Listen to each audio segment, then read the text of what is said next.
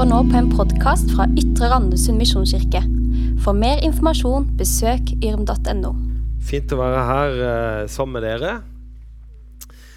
I dette rommet så sitter jo eh, min nydelige kone, noen av mine beste venner, eh, familie og eh, dere som jeg ikke kjenner. Oi, da må jeg jo si unnskyld eh, til denne mikrofonen.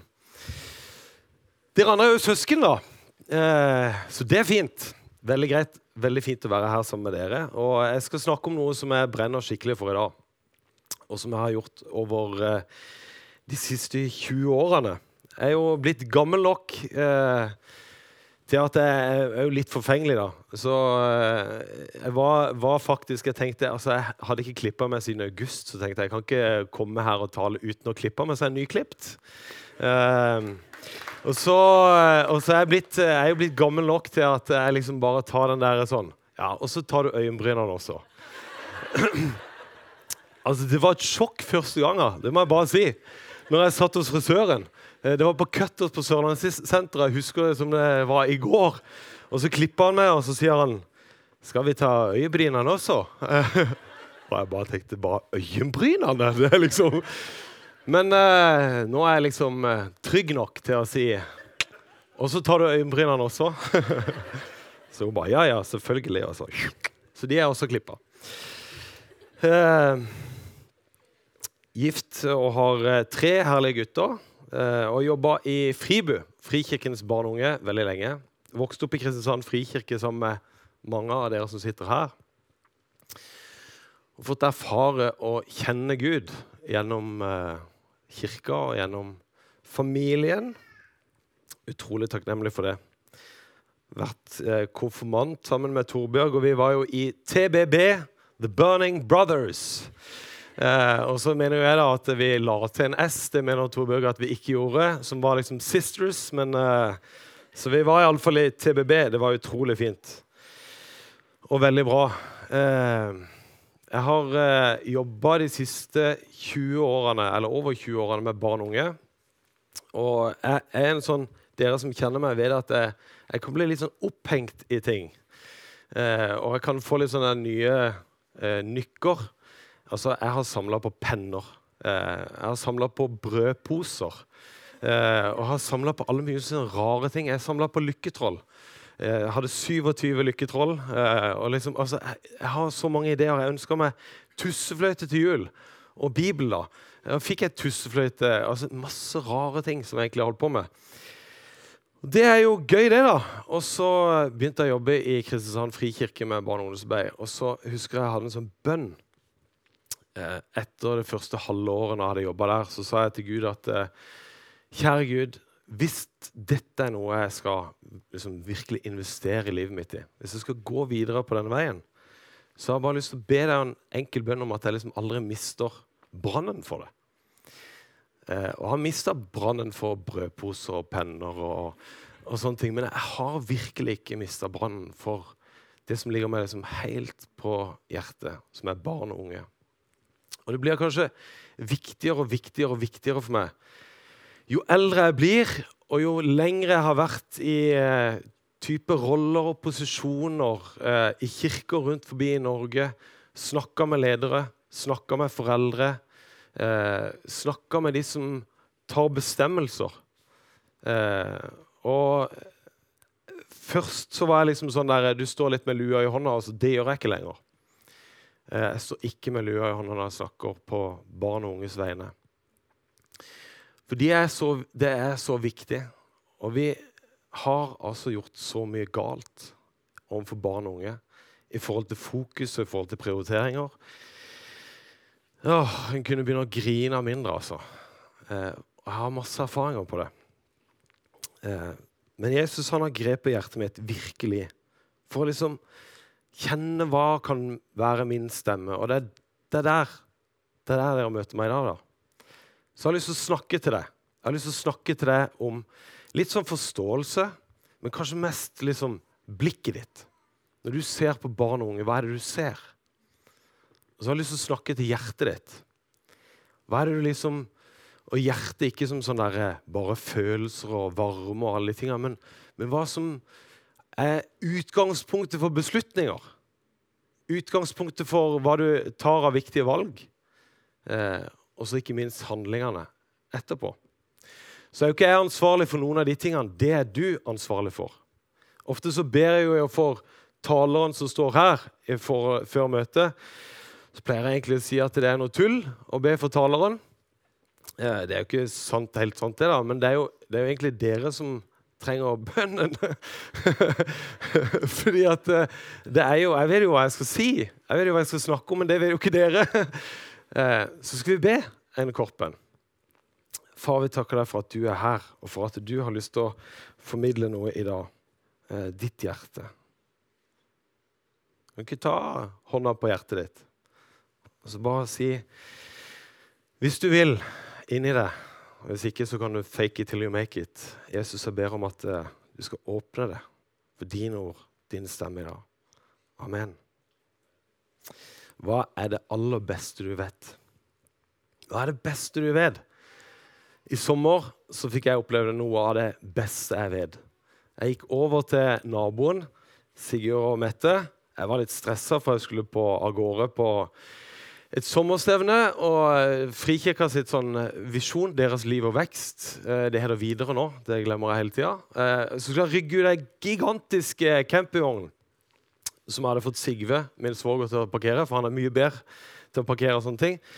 Så sto det noen biler der, og så tenkte jeg bare jeg orker ikke å begynne denne, liksom, med å liksom, skrape opp bilen. og sånn. Så jeg løp ut inn til Sigurd, naboen, og så spurte om han kunne flytte bilene. De hadde akkurat fått tvillinger.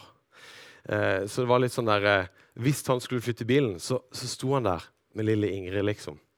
Eh, og, og, bare sånn Jeg kom inn. 'Sigurd!' Og så var det litt sånn Det var den stemninga. For jeg visste jo at de hadde født. Jo ikke helt uh, sånn Jeg er ikke alt av avkappa sosiale antenner. Uh, og, så, og, så, står han der, og så, og så sier han og så, så, sier jeg Kan jeg beklage, kan jeg liksom uh, få lov til å Kan du flytte bilen? Jeg bare orker ikke å krasje i bilen. Og så, og så, gir han meg lille Ingrid, liksom, som ligger liksom sånn helt tett inntil. Og så den der følelsen. Den der følelsen når de er så nye, at de liksom krøller beina opp. Dere som uh, vet, dere vet. Eh, hvor kort det går. Hvor, hvor, kort tid det der lille tidsrommet fra det liksom bare Åh, fantastisk. Eh, har lekt den der leken. En av mine favorittleker er når du eh, en varm sommer da, så er det liksom sånn Skal jeg tegne på ryggen din. Tegne liksom et hus og, eh, og liksom Du tegner en sol, og du tegner en is, og du tegner diverse ting. Og hvis du har investert lenge nok i et barn i den leken, så kan du liksom flippe the coin, da. Og så kan du si Har du lyst til å tegne på min rygg? Og så får du den der varme, gode følelsen. Nærhet. Eh, eller de derre aller, aller beste klemmene som bare hopper rundt deg, og som tar beina rundt deg. I går så var jeg så heldig at han ikke han eldste, han gjør, gir meg ikke klemmer lenger, men, men han yngste han liksom hoppa opp. Jeg hadde vært i Oslo og så vært på jobb noen dager. Og så liksom rundt halsen, og så med beina også.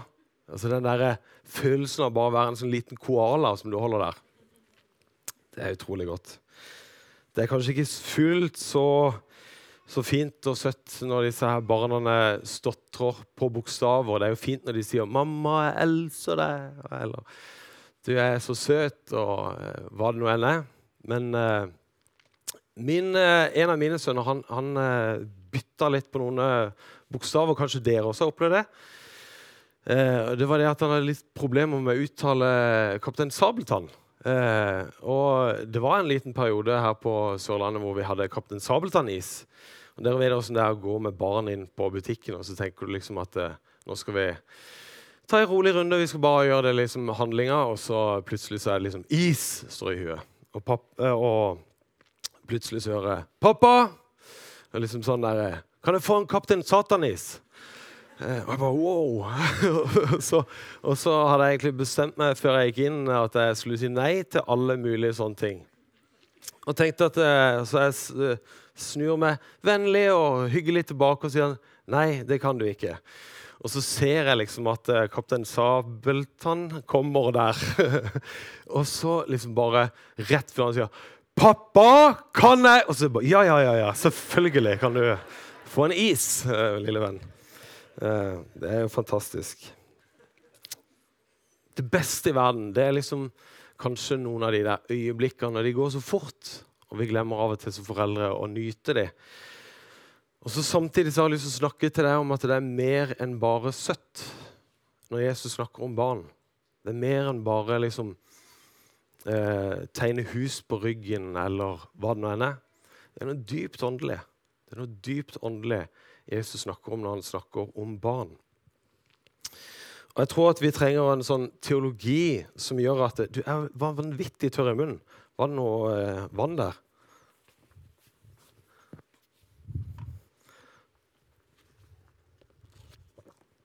liksom allerede snakka meg litt eh, varm.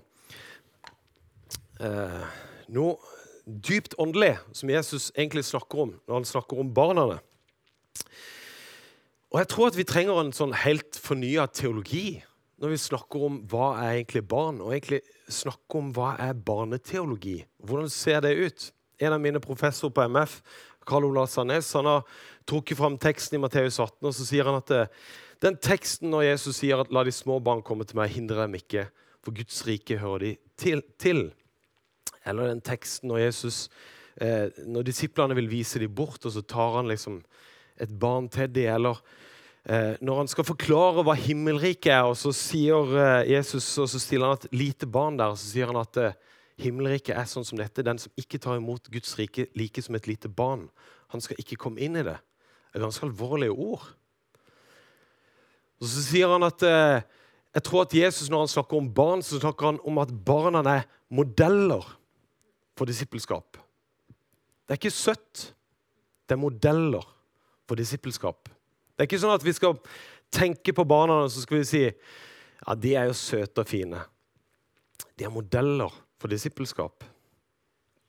Og kanskje noen av de tingene handler om at eh, Barn har en endeløs tillit, av og til for stor tillit. Du kan stole helt og fullt på at eh, den voksne er den større og den sterkere, som tar imot, og som virkelig er med på og bærer. Eh, eller så er det åpenhet, kanskje. Åpenhet som Jesus vil at vi skal vite noe om. At det ikke er sånn at alle dører er lukka i eh, våre forestillinger om verden, om hvem Gud er, om alt, eh, ting henger sammen. Men åpenhet for at Gud kan si noe nytt. Eller læreviljen. Eller den der oppdagelsen. Altså der var noen eh, Det er én hyggelig person i dette rommet. Nei, Det er fint, det. Jeg bare tulla med deg hvis du ble såra nå. Eh, eller den der helt ubetinga kjærligheten. Den ubetinga kjærligheten som, som eh, også av og til kan være for sterk når vi snakker om barn og unge i dag. Men som i forhold til Gud ikke er noe å tulle med. Den ubetinga kjærligheten som barn aldri stopper å elske. Og jeg lurer på hvor er vårt hjerte i dag? Eh, hvis du er i midten av Hvis du har begynt å klippe øyenbrynene dine Hvis du er i den fasen der, da Kjærligheten var så sterk til Gud på et tidspunkt i livet, og så har det liksom kanskje bare dabba av litt. Og så sier Jesus at 'bli som barn igjen'. Det er modellen din. Modellen din for disippelskap. En av de favorittene mine til barns egenskaper, det er det at de ikke bryr seg om titler eller slips eller penger eller status. Det er så utrolig fint å se et barn eh, Barnet bryr seg jo ikke om du er konsernsjef eller om du er viktig på et eller annet vis. Det gulper over deg uansett. Den. Eller eh, om eh, du liksom bryr deg. Det eneste som barn bryr seg om, det er jo egentlig blikket ditt. Og der kan du jo ta valg sjøl, da. Om du har lyst til å sitte på stolen og se viktig ut, være viktig, eller om du har lyst til å ned og krype på gulvet. Om du har lyst til å ned og se inn i øynene. På liksom undrende For det er jo det Jesus sier. Han sier at eh, den som tar imot et barn, tar imot meg. Det har endra meg de siste årene. Så når jeg står der med lille Ingrid, eller står der med et lite barn, så prøver jeg og oftere og oftere å liksom be denne bønnen, eller den takkebønnen, som handler om at Takk, Jesus, for at jeg får være så nær deg. Takk for at jeg får være så nær deg. Mange av dere har hørt masse eh, statistikker, og, og, liksom, og jeg skal ikke dytte på flere av dere. Helt ærlig så begynner jeg å bli lei av å fortelle om disse statistikkene. For det, når en forteller disse statistikkene, så det hjelper jo ikke en dritt om en sier det. Folk tar det jo ikke på alvor allikevel. Men det er nå sånn en gang at 90% av alle de som tar imot Jesus, tar imot før de er fylt tolv år. Eh, og så er det faktisk sånn at den viktigste modningsfasen i et barns liv er fra du er 0 til du er 12 år. Det meste av verdensbildet og moral, etikk, måten en forholder seg til trygghet, tillit på, alle de tingene der, det formes i det tidsrommet. Eh, og så Likevel så kan vi stille oss opp og ta avgjørelser som egentlig Hvis en skal skrelle vekk alt de der fine, fjonge ordene, så er det egentlig bare at vi ser på de som litt søtt. Og så handler det om at Gud ser noe helt dypt alvorlig. Noe som virkelig får verden til å dirre og vibrere. Jesus er der. I sammenheng med den teksten, så, eh, når Jesus tar et fram og, og, gjør eksempler til modell av det, så sier han noe av det mest ramsalte og alvorlige jeg noen gang kan tenke meg.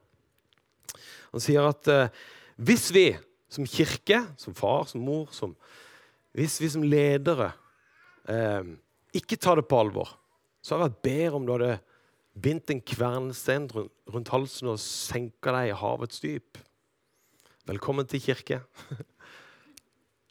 er Jesus som sier det? Er det bare tull eller tøys, eller skal vi bare hoppe over? Det er veldig få som leser den teksten der. Eh, og som får kanskje forklaringsproblemer. Og så lurer jeg på, så sier han liksom etter at vi eh, eh, Slutt å ta de dårlige prioriteringene. Ta de viktige prioriteringene.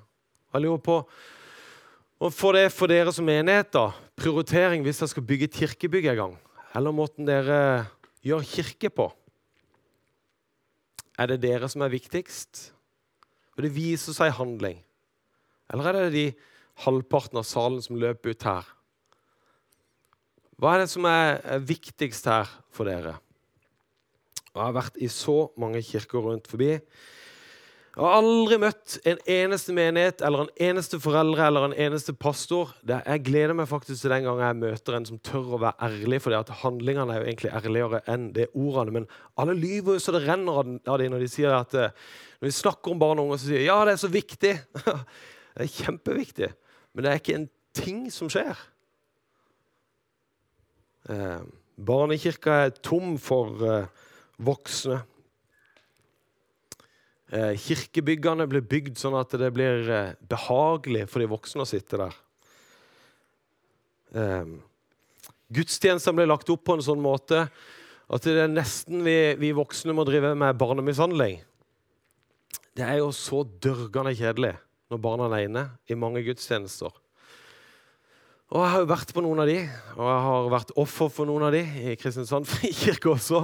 Liksom når du, når du, sitter der som mor og far, og så, eh, og så sitter du og så bare sånn, og sånn Hvis ikke du er stille nå så Kniper det! Eh, du tar litt hardt i armen, eller eh, Eller eh, kjempegod, kom til kirka og bli en kjempegod foreldre. Eh, OK, hvis du er stille nå, så skal du få ekstra skjermtid når du kommer hjem. Eh, eller se, her har du ei sukkereske. Hvorfor gidder vi å holde på sånn? Hva er grunnen til at vi gjør det?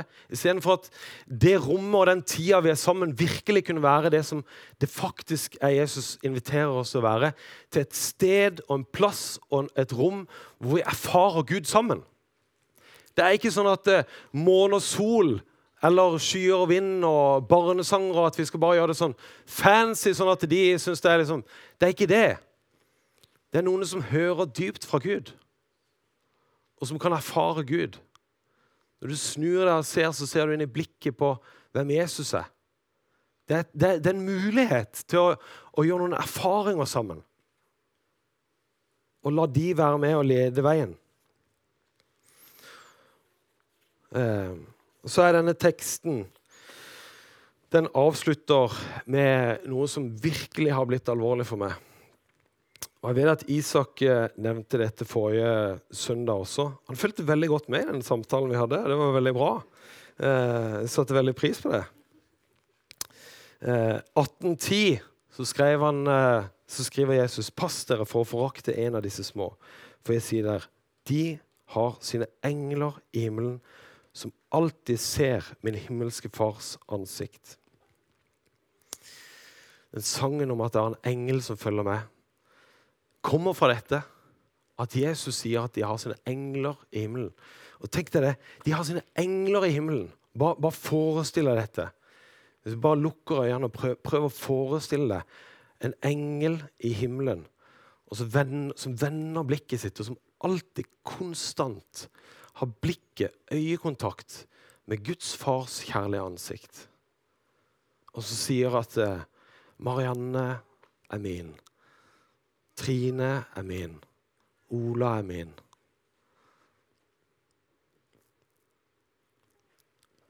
Som alltid har det. Det har gjort at når jeg ser et barn og treffer et barn, så er det akkurat som det støkker litt i meg. Når jeg av og til tar meg i å gjøre noe som jeg ikke skal gjøre. Eller tenker at det er søtt. Og så er det liksom akkurat som om Gud minner meg på at Husk den engelen der. Når jeg reiser rundt i kirker og menigheter og i Norge og snakker med lederskap og bla, bla, bla, bla, bla alle de der tingene der, så er jeg ikke redd på noe som helst vis. For ingen av liksom, lederskap eller hva det er, er bare opptatt av at jeg er redd for den engelen. Jeg er livredd for den engelen. Jeg er så redd for å på en måte gjøre det barnet, de barna noe som får den engelen som vender blikket sitt mot far. Den er jeg redd for. Så når vi tar beslutninger, så kunne jeg ikke brydd meg mindre om noen syns jeg er teit eller dum. Men hvis så lenge de valgene går i favør barn og unge, så er jeg happy. Hva hadde skjedd om det, liksom, den teksten virkelig hadde forma livene våre? Sånn ordentlig. Det sier sier nå, da. Det er det han har gjort for min del som gjør at jeg tenker at det mest strategiske plassen jeg kan være, det er i barnekirka. Jeg er ikke så ofte jeg taler på sånn voksenmøter lenger.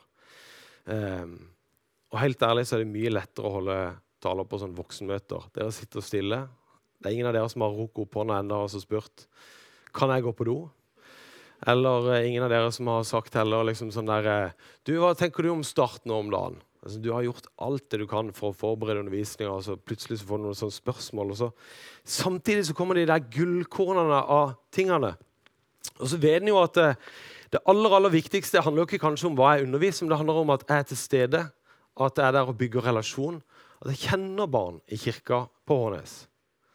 At jeg kjenner dem, at jeg vet hvem de er, at jeg vet at jeg, jeg kan bety noe for dem. Det skjer altså så mye spennende i barn og unge. Eh, og jeg tok en liten sånn runde bare For det, det er noe mer enn søtt. Eh, I fjor, eh, eller i år, så, det, så, tok jeg en sånn utregning. Misjonskirka og Frikirka hadde twinslærer. Og på de tre twinslærerne der som vi arrangerte sammen, så var det ca. 500 twins. 500 twins. Og hvis det var likt på Misjonskirka sine twinsleirer som det var på Frikirka sin twinsleir, så tipper jeg at halvparten av de som var på den Twins-leira, eh, omtrent kom fra et hjem som ikke har en levende tro. Som ikke har noe aktivt forhold til hvem Jesus er. Eller stiller mange spørsmål rundt det. I alle fall var det sånn at når vi gikk rundt, og jeg hadde mitt rom med de guttene der, og vi skulle be for kvelden, så var det halvparten av de som allerede bedt en bønn for i hele sitt liv. Hva hadde vi gjort hvis vi hadde skrevet om dette til voksne? liksom? hadde det vært sånn at eh, Vekkelse på Sørlandet. 500 unge voksne kommer, og halvparten av de kommer fra et eh, hjem uten tro. De tar imot Jesus. Så gir dem allikevel lite verdi. Eller hva om dere hadde respondert på akkurat samme måte når jeg var ute på Dversenstangen og hadde, var på pinsefestival og så snakka om kall? Snakka om at Jesus kaller oss til noe, og så hadde jeg snakka om Bruce Olsen og en, en, en vanvittig helt. Og så, og så, sa jeg sånn Det kan godt være det er vanskelig, men, eh, men jeg tror at Jesus har et oppdrag, et kall til deg i livet. Jeg tror at han har snakket, og Veldig ofte så er det sånn at Gud snakker sånne store drømmer når de er 10-12 år. Og så sier jeg er noen av dere, hvis dere har lyst, så kan dere komme fram her og knele. Og så var det 97,5 av de som kom bare. 70 barn. Og gira på å ta imot fra Gud. Gjør dere det? Kommer dere fram her etterpå? Kneler ned? Hvis jeg inviterer dere?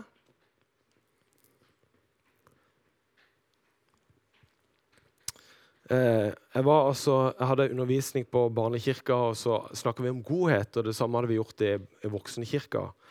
Og så, så jeg, møtte jeg mannsgruppa vår seinere, og så var det liksom sånn der eh, hadde de snakka om godhet, og en av de sa ja, det var veldig interessant tale. og Kanskje hvis den hadde vektlagt det sånn og sånn og sånn, og bla, bla, bla, fram og tilbake. Og, så, og det var en som lurte på om jeg skulle høre en tale til. og sånn. Så sa jeg bare sånn Helt ærlig, har vi ikke hørt nok nå? Har vi ikke hørt nok? Altså, Vær god mot de neste. Trenger du noe mer? Så sa jeg, Samme søndag så hadde jeg undervisning om eh, godhet i barnekirka. 15 barn. Og 15 barn produserte 45 gavekort. 45 sånne små gavekort som var veldig enkel godhet. Eh, og en, eh, han minnes hos meg Det var farsdag den dagen. Så så han på meg. Jeg så at han tenkte, og jeg så at han hadde, var liksom sånn Ba så at han, han liksom vurderte, og så skrev han et lite gavekort, og så var han liksom litt hemmelig. Og så etterpå så ga han meg tre gavekort, liksom. Og ett av dem var eh, Kjære pappa, jeg har lyst til å gi deg 20 kroner. Og så hadde han strøket over 20 kroner, og så hadde han skrevet 50 kroner. Når jeg mottar det gavekortet og det som skjedde Idet vi gikk inn døra hjemme, så løp han inn spa til sparebøssa og så henta en 50-lapp. Og så sa han, 'Vær så god'. Så kunne jeg jo selvfølgelig som far bare sagt 'Jeg er så rik, jeg trenger ikke de pengene.' Og, sånt. Så tar jeg det imot og sier 'Tusen takk for at du har lyst til å gi meg en gave'. Det skjer noe med barn. Jeg husker en av de gangene vi var på teamtur i Moldova. Og så var vi var i Bender, et område som, blitt, eh, som også er litt sånn russisk okkupert. Det er det området i Moldova med flest eh, gatebarn. Vi så det på kvelden når vi kjørte gjennom der. Og som Bålene ble tent opp, og vi spurte hva var det for noe. Nei, det er barn som prøver å holde varmen gjennom natta. Vi hadde truffet noen av de barna. Og husker en av de eh, hadde, Vi hadde med de små ungene eh, de små, to av våre, Da hadde vi to barn. Eh, små barna løp rundt. og jeg husker enda han ene gutten på han var 12-13 år. Han hadde bare mormor og morfra her. Hadde ikke noen andre.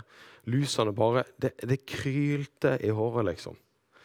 Eh, og Så så han på meg og så sier han, 'Håvard, kan du pakke meg kofferten hjem?'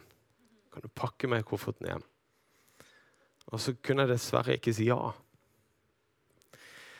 Og så hadde vi bygd en lekeplass der i det området. Altså, så mørkt og trist. Jeg, jeg, tror aldri jeg har vært et sted hvor jeg tenker at det, det hadde vært fullstendig meningsløst hvis vi hadde vært der uten at vi kom der med Jesus. Men vi fikk bygd den lekeplassen, og siste gang jeg kutta noe med den der øh, sagbladet som øh, ja, Det var ikke et sagblad, nesten. Det var enda bedre om jeg hadde brukt barnesager til min sønn. Så røyk det, og så fikk vi malt og vi fikk gjort alle det. Vi hadde en åpningsfest. Og så plutselig så bare flomma det ut med barn som var der. Og så tenker jeg liksom sånn der, hvordan Gud egentlig har tenkt. For, at for noen, før, noen, dager før så hadde vi vært på hjemmebesøk. Og Det var dette inni en leilighet. Og i det rommet nærmest den, der vi hadde lekeplassen, der var det ei dame. Jeg har aldri sett ei så multihandikappa dame.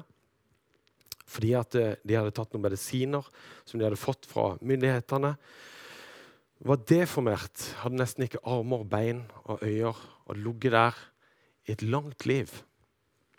Og plutselig Plutselig så er liksom hverdagen vendt fra å være å bare ligge der, til å bare åpne vinduene og høre på barnesang, barnelatter, glede og alle tingene.